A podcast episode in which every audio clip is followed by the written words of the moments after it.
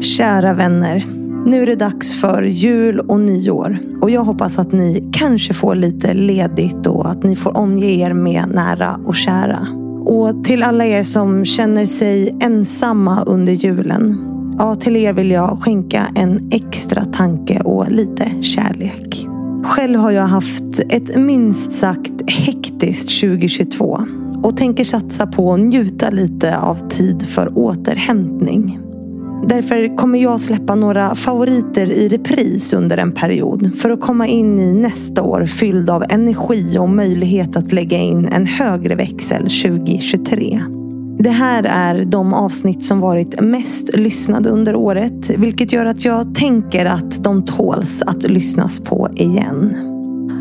Och den sista favoriten i repris, ja den är med Kristina Wallin. Så ta er tiden att lyssna på hennes kloka, kloka ord.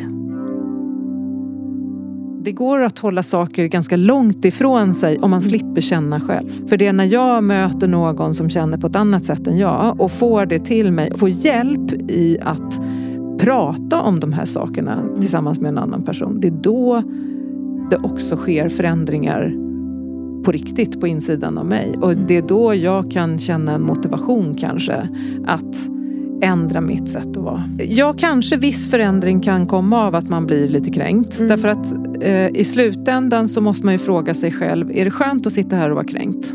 Är det produktivt? Kommer jag komma vidare med det jag vill i livet om jag sitter här och är kränkt? Blir jag kränkt, då har jag ju förpassat mig själv till baksätet. Ja. Då, då har jag ju sagt att jag kan inte göra någonting åt det här för nu är jag, jag känner mig förfördelad. Det är jag som är kränkt här och, mm. jag, och det är du som gör så att jag blir kränkt. Mm.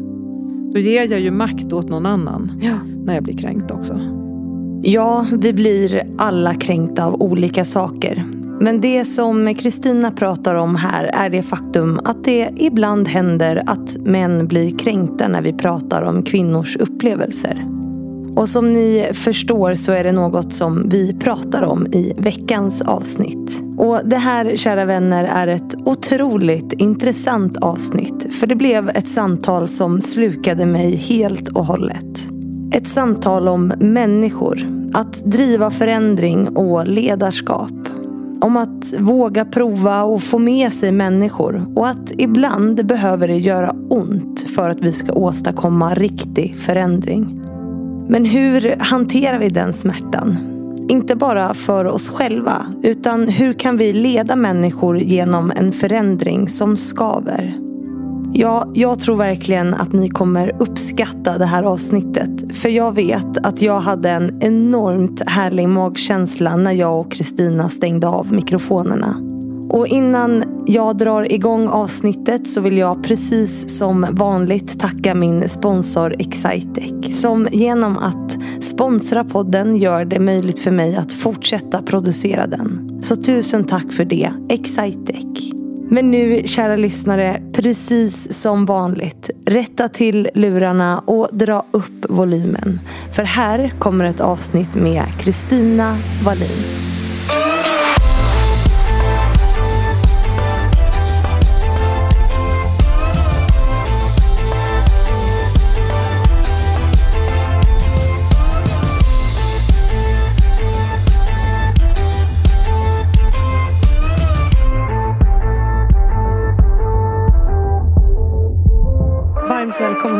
Kristina Wallin. Tack Jättekul att, att, ha dig här idag. Mm. Och alla gäster brukar ju få inleda med att presentera sig själva. Och då var min fråga om du har förberett en presentation. Men det är klart du inte har. För du har inte fått förbereda något inför Framförallt inte i powerpoint. Nej, precis. Vilket är jättebra. Vilket är jättebra. Mm. Ja, men vi pratade om det innan här. Och mina lyssnare har hört det förut. Att gästerna kommer ju ofta hit ganska nervösa är lite sådär eftersom att jag inte, jag inte är så himla inne på att ställa massa förberedande frågor. Utan jag vill ju ofta ha det ganska spontant och härligt. Mm. Så att jag tänker att din presentation av dig själv får vara precis så. Så mm. varsågod Kristina, take it away. Tack! jag, eh, jag har grön tröja. Ja, Grov, grön tröja. Ja men den är lite viktig därför att det är, jag tycker om färg. Ja. Och så det får väl också sätta lite prägel på mitt liv som har varit ganska färgglatt och färgrikt kanske jag ska säga istället. Så jag kommer från en ganska brokig bakgrund i vad jag har gjort professionellt men kanske också privat faktiskt. I allra högsta grad. Ja. Jag är en late bloomer. Intressant, det här ska vi... Ja. Okej, ja. Jag är en late bloomer. Jag kom på ganska sent i livet vad jag ville, ville bli. Mm. Och jag ser det nog hela tiden som att vad jag ville bli då och vad jag sen har jobbat på att bli för någonting också. Och nu är jag i ett läge igen där jag tänker så här, ja men jag, är, jag har inte blivit färdigt än. Utan jag ska ju bli mer saker. Jaså? Jag överväger fortfarande såna orimliga saker som, som idrottskarriärer och så vidare. Det är bara rent larv. Mm. Fast det är ganska kul att leka med tanken kring vad man faktiskt mer kan göra i livet. Så jag tror att en sak som följer mig genom hela livet är lärandet. Mm. Det präglar liksom allting som jag gör och tar mig för. Och det är ganska härligt. Men vad... Det var en positiv och väldigt flummig Ja, jag tyckte det var presentation en av mig. superhärlig och jag började anteckna här lite grann för du sa så många fina och härliga ord som jag liksom vill haka på. Men var är du ifrån? Är du från Stockholm eller är du? Jag är född i Gävle Mm. och sen så bodde jag ett par år i Skövde. Mm. Min pappa dog när jag var ett och min mamma väntade min lillebror. Så det är klart att det har ju präglat mig jättemycket. Mm. Sen så träffade min mamma en ny man och vi blev en ny familj för han var enkling och vi blev en ny kärnfamilj skulle man kunna säga. Ja, Det är lite intressant. I Stockholm. okej. Så jag flyttade till Stockholm när jag var sex. Mm. Och det är klart att det, bara det, att lära sig, och det är rätt brokigt, att komma, komma in i ett sammanhang där man får nya syskon och där man, och det är ju många som gör nu för tiden, skilsmässor är ju oerhört vanligt och nya familjekonstellationer. Mm. Men jag kommer ihåg att vi satt vid frukostbordet och, eller om det var middagsbordet i köket och min mamma säger till mig att ja men nu ska du kalla Björn för pappa. Och likadant sa min nya pappa då till sina barn att nu ska ni kalla Gunilla för mamma. Mm. Och så är det så. Mm. Det var påbjuden mamma och pappa kallning. Hur funkade det då? Alltså jag tänker, jag kommer också ifrån sådana förhållanden, eller förhållanden, det låter ju men mina föräldrar är ju skilda. Mm. Men jag kallar ju inte min mammas man för min pappa. Eh, Plastpappa brukar jag nog säga. Ja. Eller något sånt där. Att man ändå definierar det på något Ja. sätt. Det kanske är konstigt. Eller jag vet inte vad som är mest. Nej. Det, och, Det kanske inte finns något rätt och fel precis som med jag mycket tror annat. inte det. Vad man sätter för epitet. Nej men jag tror inte det därför att det, till slut så handlar det ju om kvaliteten på relationerna. Mm. Och då spelar det ingen roll vad man har kallat varandra men jag tror att det var ett sätt för dem att hantera sina otroligt sorgliga bakgrunder till att den här situationen hade uppstått och att vi satt där och skulle få ihop en familj och att hantera barn. Alltså de tillhörde ju fortfarande en generation, jag är ändå snart 60 så att de tillhörde ju en gammal generation som var födda på 30-talet. Före och under kriget liksom. Och det var inte så att det här var världens lättaste samtalsämnen ens för dem. Nej. Och ännu kanske mindre för deras föräldragenerationer. Så att det var ju så här man hanterade. Var det en respektive som dog då kanske man inte pratade så mycket mer om den människan. Och det var inte så mycket att diskutera det här med nu tänkte jag raljera, socialtjafset i familjen. du, man, får, man får raljera i den här Ja. podden, det är okej. Socialtjafset i familjen. Ja, ja men en del ser ju det så då. Ja. Att, man, att det här, ja, men varför ska vi hålla på med sånt här socialt trams liksom. Mm. Men det är ju det som, det, idag så gör, ser man ju, har man ju en helt annan syn på det. Och jag som förälder som också är skild, eller som är skild, mina föräldrar var ju enklingar men jag som är skild lever ju i en ny relation sedan 20 år tillbaka nästan. Mm. Och mina barn kallar ju inte min nya man för pappa. Eller, Nej. och deras barn kallar absolut inte mig för mamma Nej. heller. Det har aldrig varit, vi har inte ens flyttat ihop förrän det var dags och de till största delen var utflugna. Mm. Ja. Intressant för jag tänker att det här, när var det här i tiden som dina föräldrar Alltså inte, nej, inte dina föräldrar då utan din 70. pappa. Ja. Så min pappa dog när, ja, 64 Mm. och vi flyttade ihop och blev en ny familj 70. Det, så det är mitt under frigörelse och 70-tal. Alltså då liksom, var det ändå okej lite att skilja sig och liksom det, var, Ja. det fanns då jag på att säga. Ja, det gjorde det. Det var inte så banbrytande på den tiden. Nej. Nej. Men du sa tidigare att du beskriver liksom hela ditt liv som färgglatt. på något sätt. Vill Ja. du... Eller färgrikt. Jag, tror, jag backade lite där. Allting kanske inte är glatt. En del Nej. är ju eh, liksom lite sorgfulla nyanser också. Mm. Men, Ja, det är såklart. Att Ja. det kommer sorg. men färgrikt därför att jag tycker att jag har bytt spår ganska många gånger. Mm. Inte bara när det kommer till mina relationer utan till vad jag gör i livet och vad jag har intresserat mig för. Mm. Jag intresserar mig för nya saker med jämna mellanrum och sådär. Mm. Jag tycker att det är roligt med olika saker. Jag skulle kunna tänka mig att skaffa nya hobbys. Liksom. Just nu har jag börjat tycka att det vore väldigt kul att lära mig mycket mera matte. Jaha, oj. Det kändes... Det kändes avancerat på något sätt.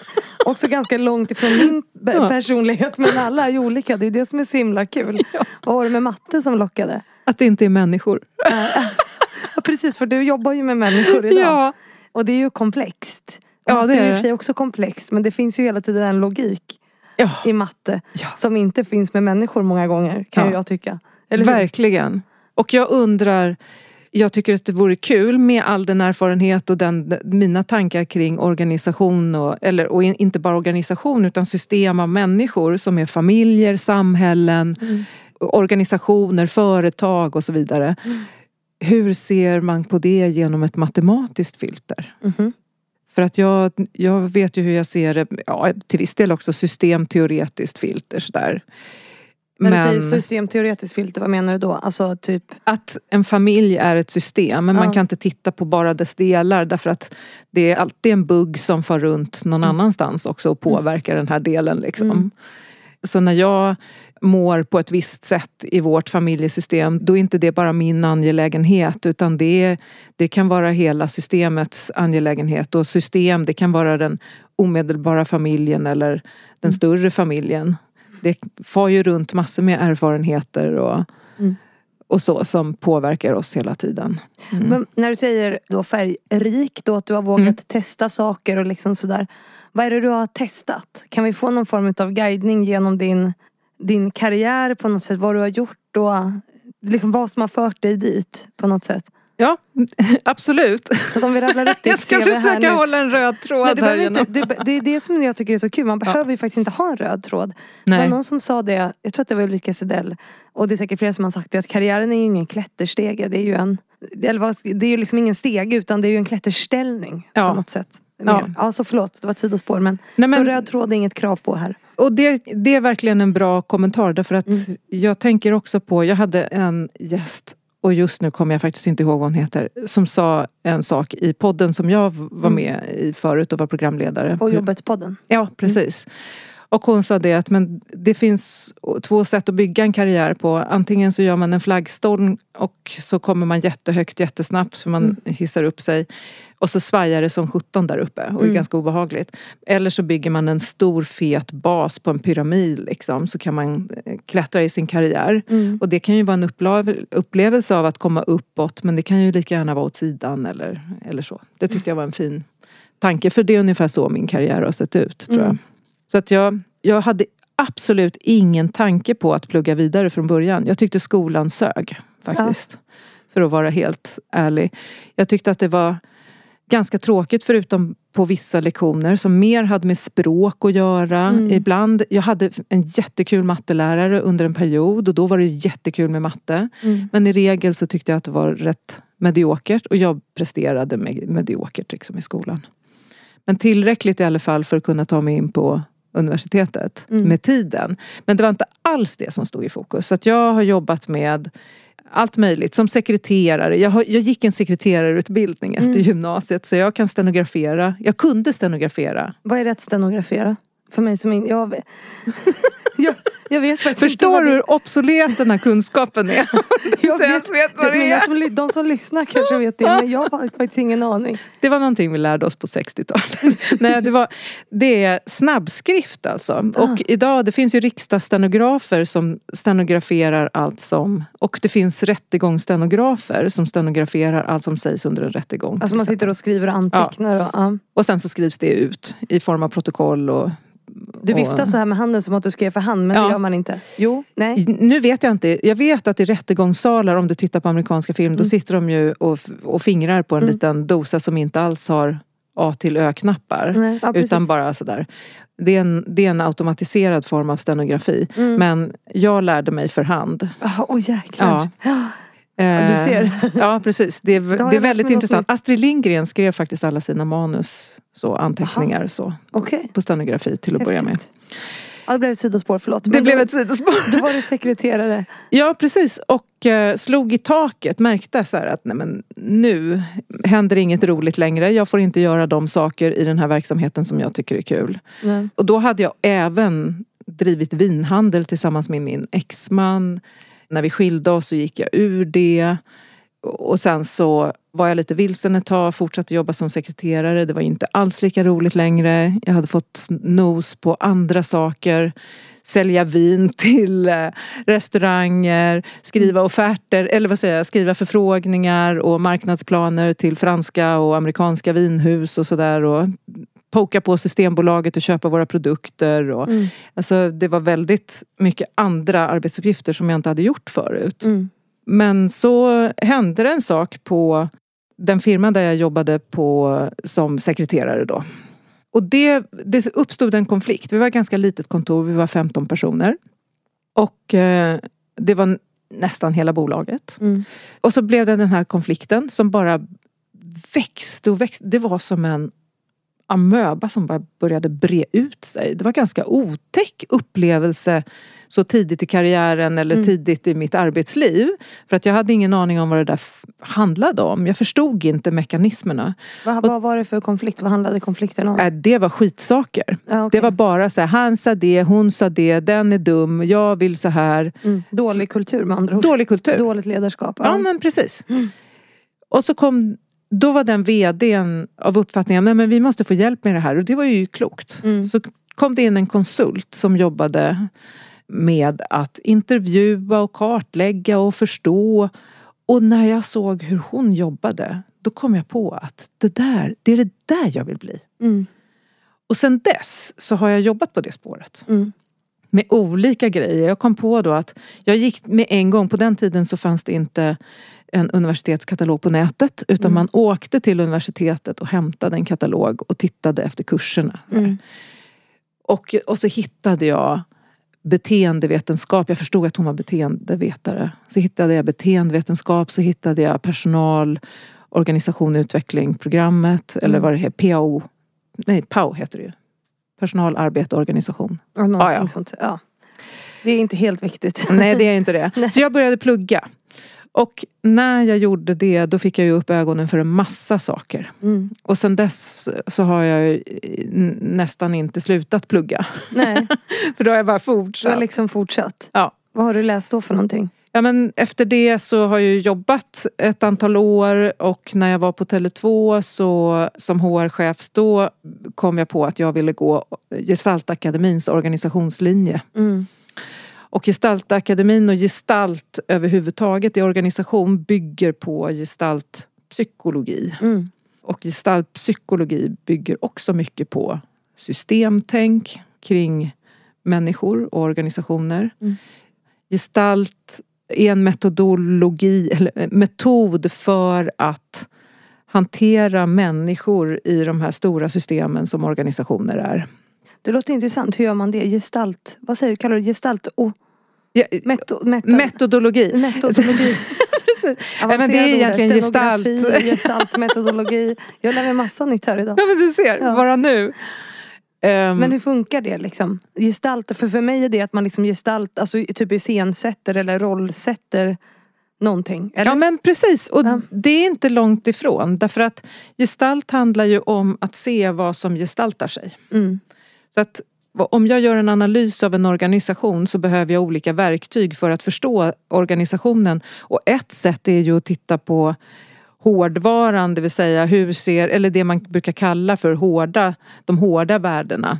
Ja. Som hur tjänar vi pengar eller gör det vi ska göra? Hur når vi våra, alltså når vi våra mål? Hur ser processerna ut? Kartläggningar och så vidare. Men när man har kartlagt en process så är det många som lämnar det därhän. Mm. Och sen så förstår man inte varför inte processen funkar trots att vi har kommunicerat den. Ja, och då är det ju oftast det att det är ju så enkelt som att det är två eller flera människor som ska kunna samarbeta i de olika processstegen och mm. mellan de olika processstegen. Mm. Och kan de inte samarbeta där, eller vi inte samarbeta, då händer ju inte den här processen. Då kan man ju inte säga att man jobbar enligt den här processen. Nej.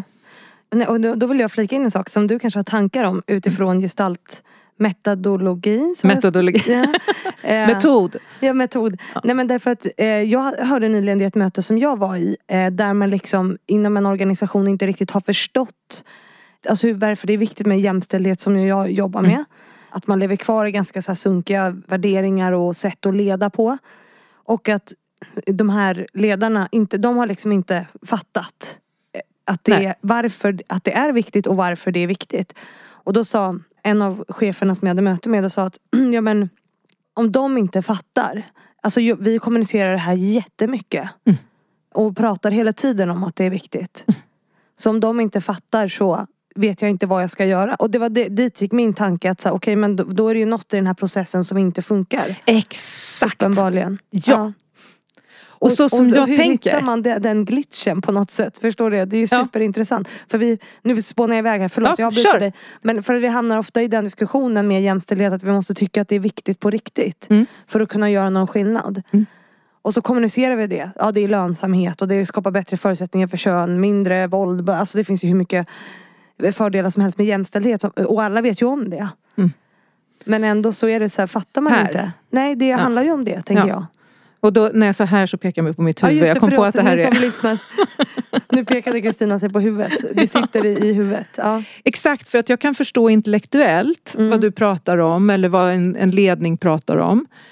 Men det har ingen betydelse för mig Nej. i praktiken. Därför jag går och ställer mig vid min, min maskin eller jobbar i min process och träffar mina kunder och är med mitt team fortfarande. Mm. Och jag känner inte att det finns ett problem. Jag, min upplevelse är inte att det finns ett problem. Så att jag ställs inte för och måste det, det ställs inte krav på att jag själv formulerar vad det är som funkar och inte funkar. Mm. Och då, då kanske jag behöver förstå saker som är mycket, mycket närmare mig. Och det kan ju vara en upplevelse hos en annan kollega till exempel i mitt team. Eller det kan vara ett perspektiv som, som får saker och ting att öppnas upp för mig. Säg att jag har ett mål, mitt team har ett mål som jag jobbar tillsammans med. Vi får svårt att uppnå det. Skulle vi vara mer jämställda eller diversifierade, en mer blandad grupp mm. så skulle vi ha lättare att göra det därför att vi skulle kunna nå den och den och den och den kunden också. Mm. Men det gör vi inte nu därför att jag kommer ut och så kör jag mitt vanliga race och så träffar jag de kunder som hakar i mig, som köper mig. Mm.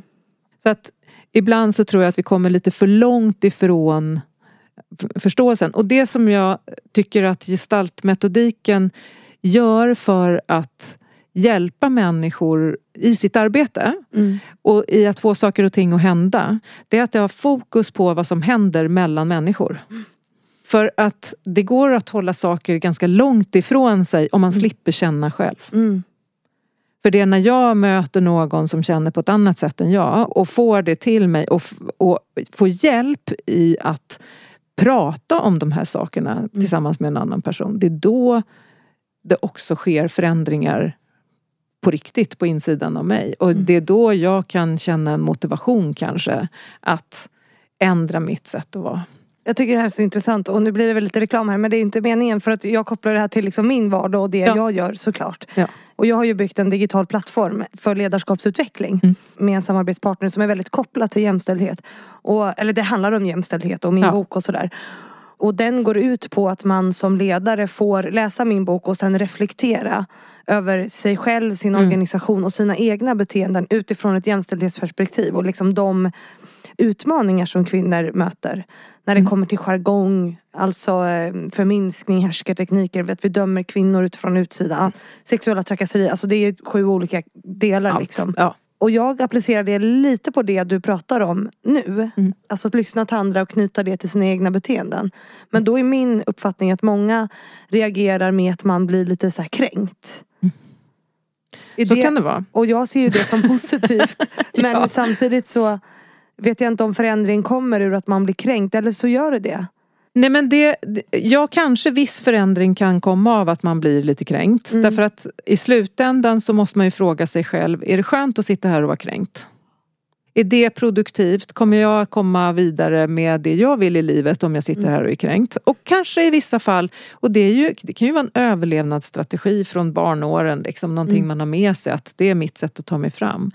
Men i regel så, så tycker jag att det, det blir svårt att driva en fråga genom skam och skuld och Mm. kränkthet och så vidare. Därför att det försätter ofta människor i en större försvarsposition. Mm. Så det är som att kraft, det föder motkraft. Mm. Så om jag går in eh, och sling, svingar den stora skamklubban runt Mm. omkring mig. Då kommer jag att få reaktioner i omvärlden, som omgivningen, som handlar om försvar. Mm. Och det blir ju inte särskilt bra. Nej, men jag tycker att reaktionen av att lyssna till andras upplevelser, alltså utan att man liksom anklagar Mm. någon utan bara så konstaterar. Det här är verkligheten i näringslivet överlag. Så det kommer ju finnas i de, typ alla företag att kvinnor blir förminskade. Alltså tyvärr. Ja. För det är liksom den, det är ett stort samhällsproblem. Ja. Att man reagerar med att man blir kränkt. Förstår Mm. du? Alltså, då är man ju oavsett om man blir kränkt eller inte ett hinder för förändringen. Förstår du? Då kanske Ja. man ska bort. Jag vet inte. Det är i alla fall min, Ja. min inställning. För det är som att jag skulle läsa en bok eller göra övningar om, för att lära mig hur det är att vara svart till exempel. Mm. Då skulle inte jag personligen bli kränkt. Nej, Förstår du? Alltså, Nej, det så att- går inte. Alltså, och blir jag kränkt, då har Mm. jag ju förpassat mig själv till baksätet. Ja. Då, då har jag ju sagt att jag kan inte göra någonting åt det här för nu är jag, nu, jag känner mig förfördelad. Det är jag som är kränkt här och Mm. jag, jag sitter där och det är du som gör så att jag blir kränkt. Mm. Då ger jag ju makt åt någon annan Ja. när jag blir kränkt också. Och i vissa fall, jag vet att det här kan vara minerad mark Mm. verkligen och det finns massor med drev som hanterar det här också. Mm. Men det finns något grundläggande i det och, och absolut, jag är hur privilegierad som helst utifrån all, de flesta aspekter. Mm. Sen har jag mina... Nej, jag. Ja, exakt. Och, ja, men jag har ju absolut mina saker i bagaget som kanske inte är så roliga heller i, i fråga om det. Mm.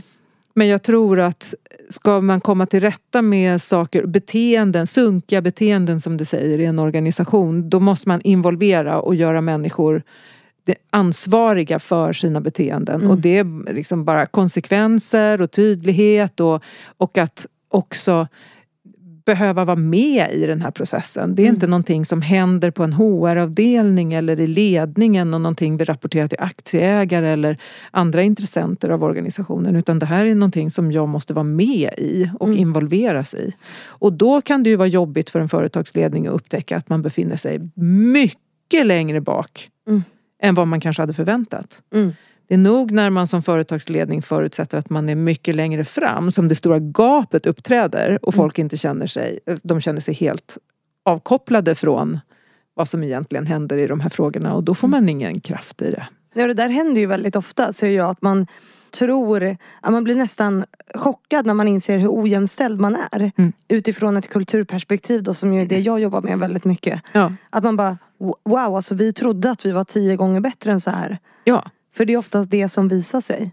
Jag tänker också att det är en medvetenhetsfråga, det pratar vi mycket om här. Alltså att kunna förändra sina beteenden och vara en del av den förändringen så måste man ju vara medveten om hur de här strukturerna som vi, när vi pratar om jämställdhet, vad de har för effekter på våra beteenden. Ja. Gud vilken eh, slinga jag lindar in med här nu. Nej, men- Men att det saknas ju väldigt mycket medvetenhet om det. Ja. Och sen tänker jag en till sak för att addera det som vi pratar om nu att förändring skaver ju.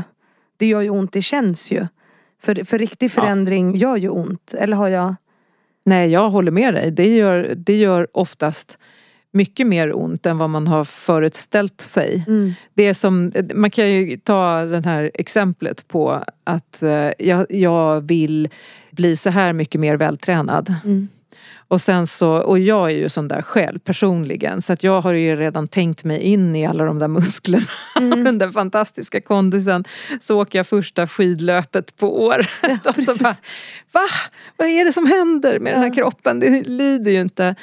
Och all den där träningen den gör ju fysiskt ont också mm. när man tränar och har träningsverk och så vidare. Mm. Och måste mentalt jobba med sig själv för att ta sig igenom. Så är det ju med annan förändring också. Mm. Att börja acceptera att jag ska göra saker på ett annat sätt. Att jag tror att jag förlorar makt. Mm. Att jag tror att jag förlorar inflytande. Det är min första kanske reaktion och det är läskigt. Att jag tappar kontroll. Och sen så när det går tid så upptäcker man nya saker och det är en mm. förändringskurva. Ner i botten och så börjar man nyorientera igen. Ja och det där är ju, det handlar också om att komma till insikten om att man kanske inte är så jävla bra som man tror. Alltså, ja. och, att, och, och, att det är ju Vad säger du? Nej, jag har ju ett exempel eh, också, nu drar jag massa exempel för mig själv men för att det, under vårt samtal så blir det så tydligt. Att jag, när jag skrev min bok så, så fick jag en insikt genom en vän om att så här, ja, men de enda som jag har, det här har mina lyssnare hört förut, men att jag har ju bara vita power ladies i min podd. För att det är min filterbubbla. Mm. Alltså, det är för mig, för det här har ju mycket från början handlat om framgång och karriär och har ju blivit någonting större nu. Mm. Men, och det gjorde jätteont att mm. inse det. Alltså jag blev eh, alltså så här, ledsen över det. För jag kände mig dålig och dum och du vet som en mm. fraud på något sätt. Alltså det var min första reaktion. Inte kränkt men jag kände mig falsk eh, på något ja, sätt. Som att du lurade? Som en, lite som att jag lurar mig själv och att gud brinner jag verkligen, står jag verkligen för det här? Och, du vet, ja. och, men, men, och det är för att det är min första reaktion. Men då, sen förändrar jag ju det. Mm. Och försöker att spegla andra perspektiv och sådär. Inte för att få mig att låta som ett helgon utan mer bara för att mm. det är så som förändring ser ut, tänker ja. jag. Ja men verkligen. Någonstans så måste jag uppfatta att det är någonting som skaver. Mm. För att annars så kommer det aldrig att finnas motivation till att göra en förändring heller.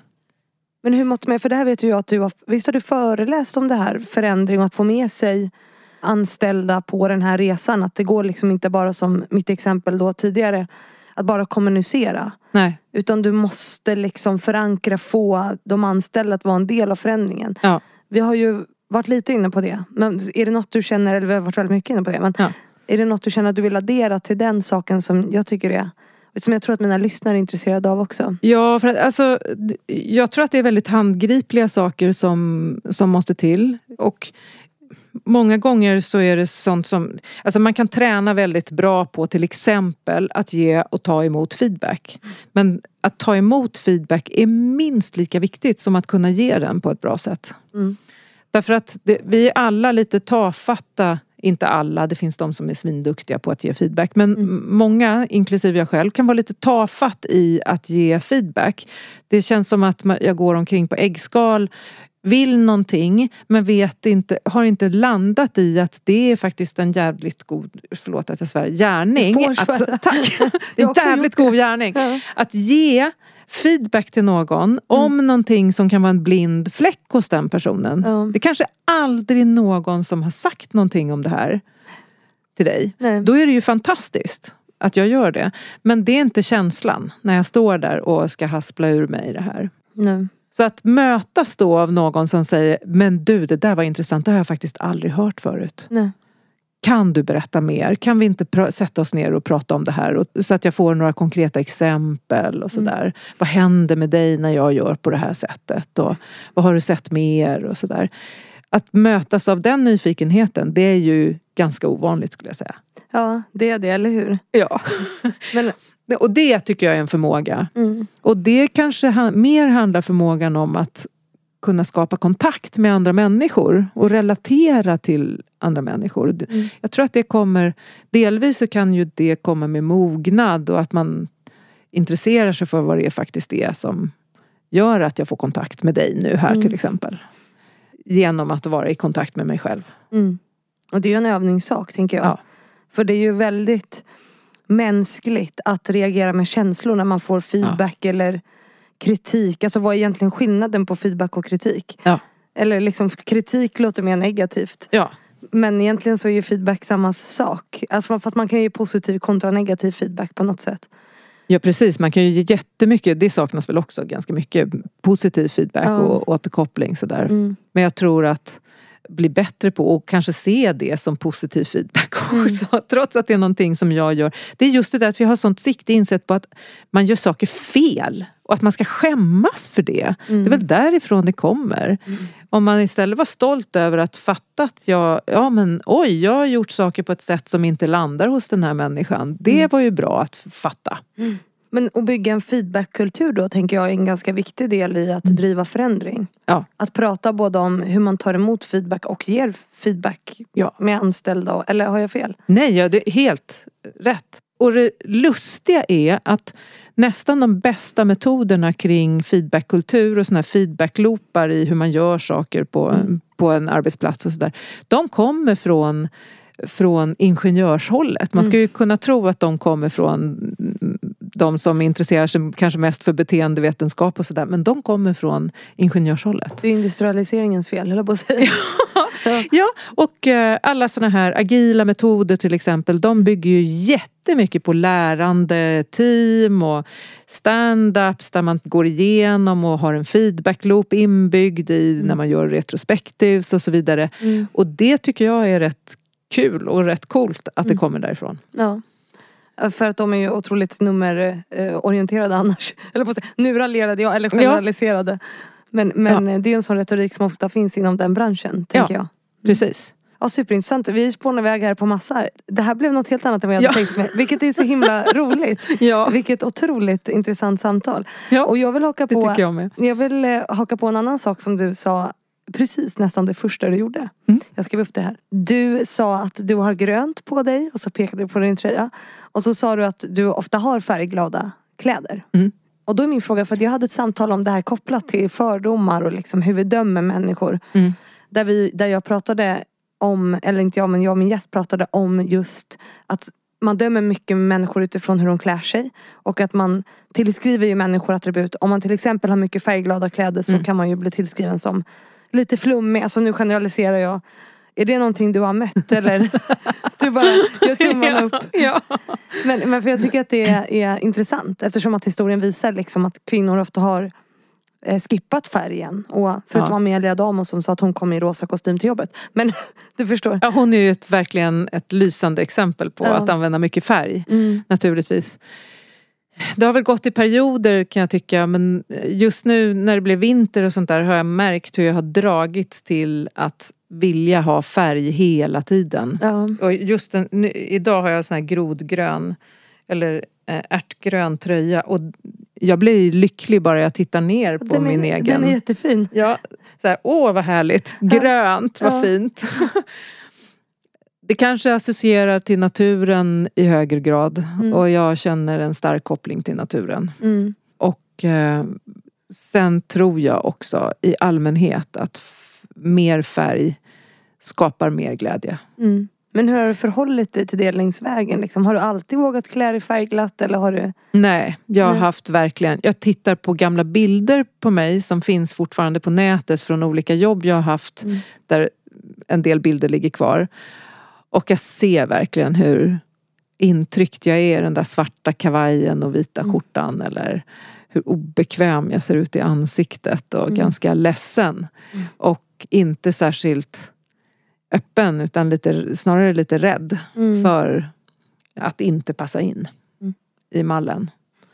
Så jag tycker med tiden och med åldern så, så har det där försvunnit i högre och högre grad. Men du kände dig liksom tvungen att på något sätt försöka passa in i en mall och... Ja, det är ju en powersuit en powersuit liksom. Att komma med, det, det lustiga är att jag hade på mig det häromdagen. Det var första gången jag tog på mig en svart kavaj på säkert tio år. Mm. Vad, vad var anledningen då? då? Vi eh, har särnoterat ett utav våra bolag, Tobii Dynavox, Mm. och det var klockringning för börsen eh, Ah. och så där på kontoret i torsdags i förra veckan. Mm. Och jag tog på mig en svart knytblus och en svart kavaj liksom. Mm. Och, och high heels. Åh jäklar. Lack high heels. Det Det var kän- jag, vet inte, jag har träffat dig en gång men det kändes lite långt. Eller ja, en, out of character. jag har träffat dig ungefär en timme nu. Ja. Det kändes lite out of character på något sätt ändå.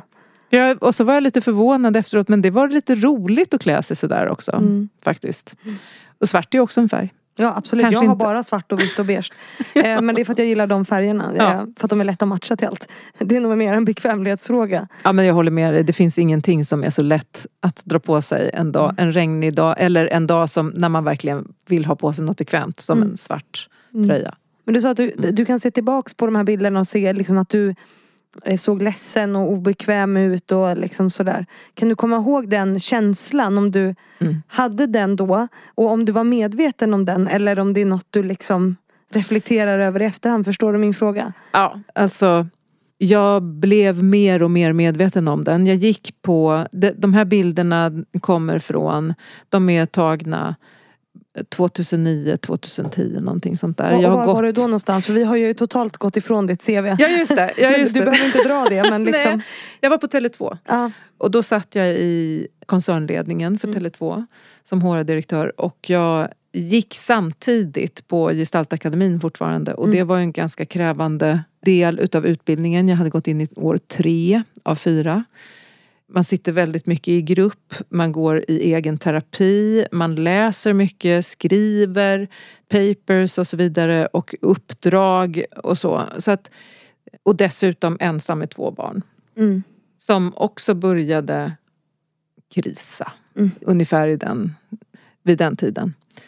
Och jag ser på de här bilderna att jag är nu ju, att jag är ledsen, det syns på ögonen. Mm. Men jag känner det inte då. Nej. Jag känner inte där och då att det är ledsen jag är. Utan jag är frustrerad över att livet är som det är. Jag ser inte riktigt att jag är mäktig att göra någonting åt saken själv. Jag tror att det här handlar om andra faktorer. Liksom hur jobbet är beskaffat eller hur, hur min exman gör eller vad, vad som händer i mina barns skolor och så vidare. Jag lägger väldigt mycket utanför mig själv. Mm. Ända tills det liksom smäller till en dag och jag får Jag blir uppmärksam på att det här håller ju inte. Jag håller ju på att hela min lilla familjekonstellation här med mig och mina två barn, den håller på att gå isär. För att jag har tappat kontakten med hur det känns just här. Mm. Och det är en ganska hård smocka, apropå förändring gör ont. Mm. Så då bestämde jag mig för att sluta. Mm. På jobbet. Och det var mycket med, som hade med jobbet att göra eller var det? Nej, jag skulle nog säga att det hade med allt att göra. För att, Mm. Och det är min erfarenhet även när jag jobbat med andra människor som, som blir utbrända eller som, ja, som går in i väggen, blir deprimerad och så vidare. Att jobbet är en faktor och det kan vara den utlösande faktorn. Mm. Men det finns ofta väldigt mycket att hämta i antingen föräldrar, alltså inte föräldrar, i familjerelationerna och hur man har det. Mm. Med hela tårtbit, alla tårtbitarna. Mm. Sig själv, sin egen kropp, sina relationer på hemmaplan om man har en partner eller om man har barn. Jobbet, övriga relationer, kompisar och fritidsintressen eller hur det nu ser ut. Vad var det för något som bara, du sa, du använde ett uttryck att du bara smack tror jag du sa, insåg att det höll på och du höll på att tappa kontakten med dina barn eller? Ja, det var hur mina barn mådde. Så att det, jag, Ja. det gick upp för mig att det här är ju ohållbart. Det här är en ohållbar situation. Mm. Jag försöker driva det här på bara vilja just nu. Mm. Och det är helt orimligt. Mm. Därför att jag såg hur, hur de mådde och att det som saknades var min närvaro. Mm. Och när det gick upp för mig och jag började ta mig tillbaks. Det tog tid därför att man måste avgifta sig från jobbet också. Mm. Det, alltså, jobbet och alla, all stresshormon som ett jobb i hetluften liksom alstrar i kroppen. Det krävs en avgiftningsperiod för Mm. att det ska komma ur kroppen. Så jag gick mil efter mil efter mil, bokstavligt, eller, bildligt och bokstavligt talat. Ja. På riktigt liksom. Ja, varje dag, minst en mil, gick jag och gick och gick. Och så var jag med dem så mycket jag bara kunde. Mm. Så du sa upp det och då var du arbetslös ett tag eller arbetsbefriad eller vad kallar man det? Nej, men då, på, den, på den nivån så har man ändå, får man ändå ett antal, ett, upp till ett år liksom att reflektera. Mm. Så att det gjorde jag en, och sen så sadlade jag om och började jobba med ledarutveckling istället. Mm. För du har varit egen konsult inom det Mm. också? Ja. För att du kände att det här är något jag vill testa eller? Ja, för att det var så roligt. Då fick jag ett jobb på Ledarstudion som Mm. jobbar med kommunikationsträning Mm. och alltså ledarutveckling genom att träna praktisk kommunikation. Ja, Lena Ahlström har ju faktiskt varit här. eh, Ja. Men det var länge sedan. Ja. Det är nog två år sedan tror jag. Eller något Ja. sånt. Ja. Japp, och det var Lena jag jobbade för då. Mm. Och det var ju helt makalöst att komma i ett, ett sånt sammanhang. Mm. Och jag lärde mig otroligt mycket. Mm. Både om kommunikation, om det egna uttrycket, vad det grundar sig i. Det var så tajt kopplat också till allt jag hade lärt mig på Gestaltakademin men kanske inte omsatt så mycket i praktiken. Nej. Därför att, och det håller jag fortfarande på att lära mig att omsätta. Det är praktik. Mm. Men eh, det blev på riktigt på något vis. Mm. Att retorik är ingen slump. Att röst och min kropp och vad jag tänker och vill förmedla hänger ihop. Mina känslor är avgörande när jag ska påverka andra människor. Mm. Vad jag själv känner och vill. Och det gjorde också att jag förstod att jag kunde ju inte göra mitt förra jobb givet var jag befann mig känslomässigt. Nej. Jag ville ju inte vara där. Det är så häftigt att komma till sådana insikter. Ja. Och det gör ont. Ja, det gör ont Ja. men det är häftigt. Ja. Men om du får generalisera lite för nu har vi liksom pratat om gestaltmetodik. Metodiken. Metodik, förlåt. Det jag får aldrig få till det rätt. Men det är inte så viktigt. Nej, det är verkligen inte Men viktigt. gestaltmetoder kan Ja, vi säga då, för att göra det enkelt. Eh, Och även kommunikation och liksom retorik och sådär. Har du, har du analyserat det här ur ett jämställdhetsperspektiv? På något sätt? Alltså män kontra kvinnor. Ja men det, det, Det är en svår fråga och en som jag bara kastar upp här nu för att jag Ja. vet att mina lyssnare vi gillar vill det. ju dit ändå, eller hur? Det är klart att det har funnits ganska många tillfällen då, då jag har sett hur maktspelet pågår och att jag har hackat på mig själv för att Mm. jag tycker att jag har behövt egentligen vara mycket bättre och arbeta mycket hårdare för att gå hem, för att bli tydlig, för att bli lyssnad på och så Mm. vidare. Och det är det du menar med maktspelet? Ja, absolut. Och det som Göran Persson har skrivit en bok om, tror jag att han har skrivit en bok om, i alla fall utbildat i härskartekniker. Ja. Och härskartekniker, det är ju inte bara män som ägnar sig åt härskartekniker, det är ju även kvinnor som ägnar sig åt härskartekniker, Ja, naturligtvis. Det Mm. gör vi ju alla.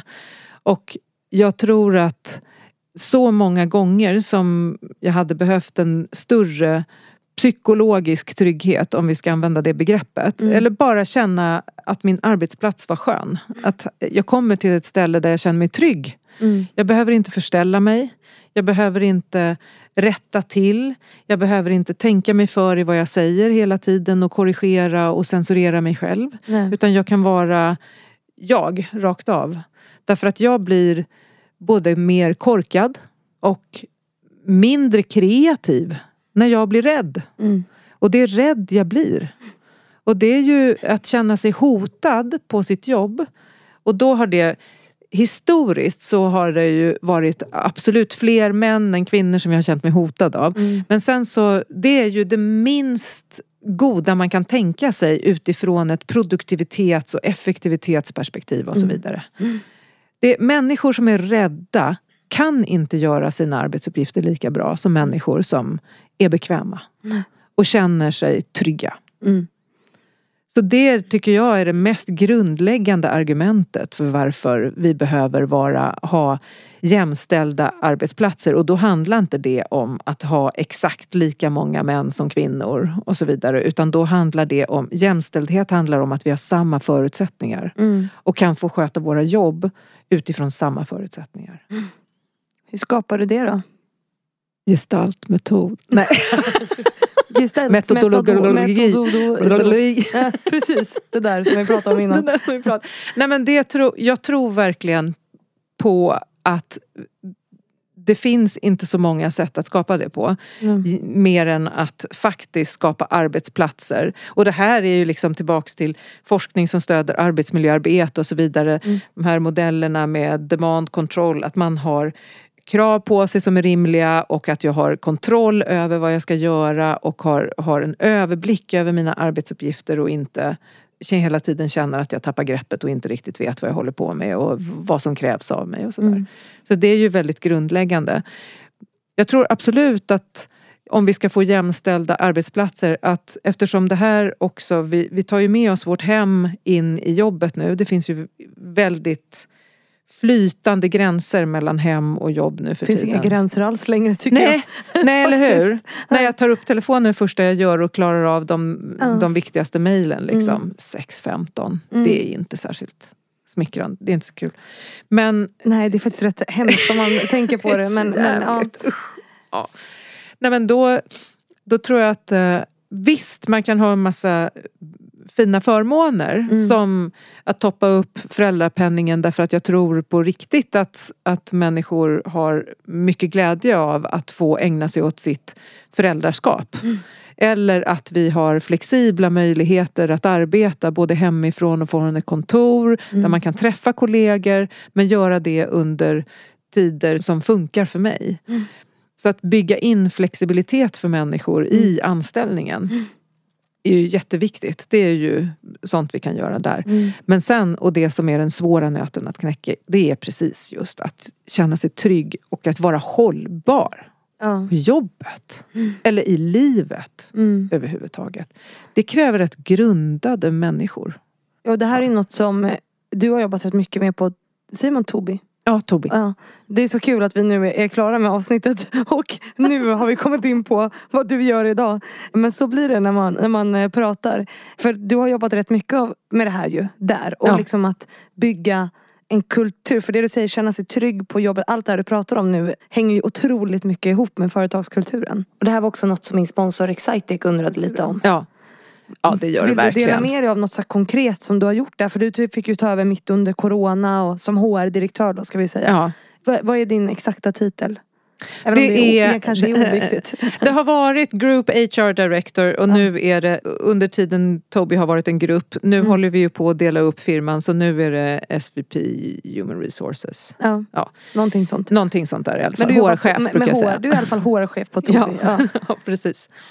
Och vad var det vi... Frågan var Ja. eh, inte egentligen vilken titel du har utan vad, kan du dela med dig av något så konkret som du har gjort för den här företagskulturen hos er under pandemi och alla de förutsättningar som du har haft? Ja, alltså jag ska försöka konkretisera lite grann. Det finns olika saker. Jag tycker att det har varit ganska viktigt att vara transparent i kommunikation med organisationen. Mm. Och att det finns sätt att kommunicera med en organisation som blir rätt kontaktlöst. Och det är när man informerar och så har Mm. man ett informationsflöde.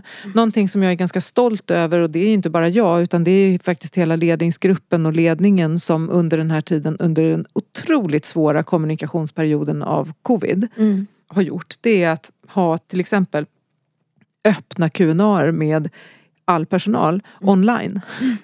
Så där har vi suttit och fått frågor som har varit jättesvåra ibland och som man tänker, åh det här är en ren PR-bomb eller det här, det här är liksom, vad svarar man på det här? Men att inte ducka för det då utan kunna möta en sån fråga och utifrån och också kunna vara transparent med att du det här är en jättesvår fråga.